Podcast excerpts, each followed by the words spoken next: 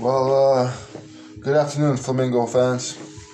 We have just got back from the uh, community extension meeting today at 2 p.m. on February 7, 2022. We had the opportunity to talk about a few things uh, at Hope at the hospital and uh, after the return here. So many things to look forward to. Uh, Valentine's Day is next week.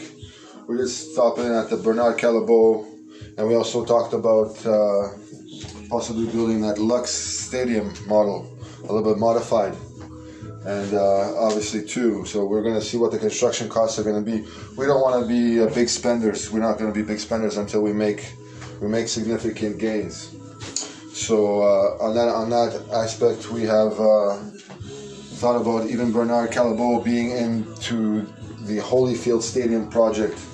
A little bit of a small store there that can uh, accommodate some selling of chocolates and and great things like that. So uh, if you haven't heard of Bernard Callebaut, it's a chocolatier. Other than that, uh, Valentine's is around the corner. Make sure you get your gifts for your wives and your uh, best friends as soon as you can.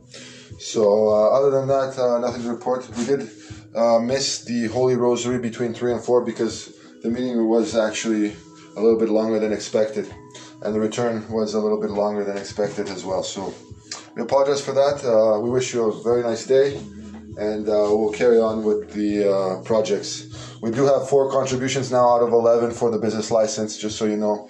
We'll see if we will come up short or we will be able to uh, add some additional funds upon the purchase of the business license. Stay positive, my friends. Stay positive. Stay healthy, and stay stay, stay convinced.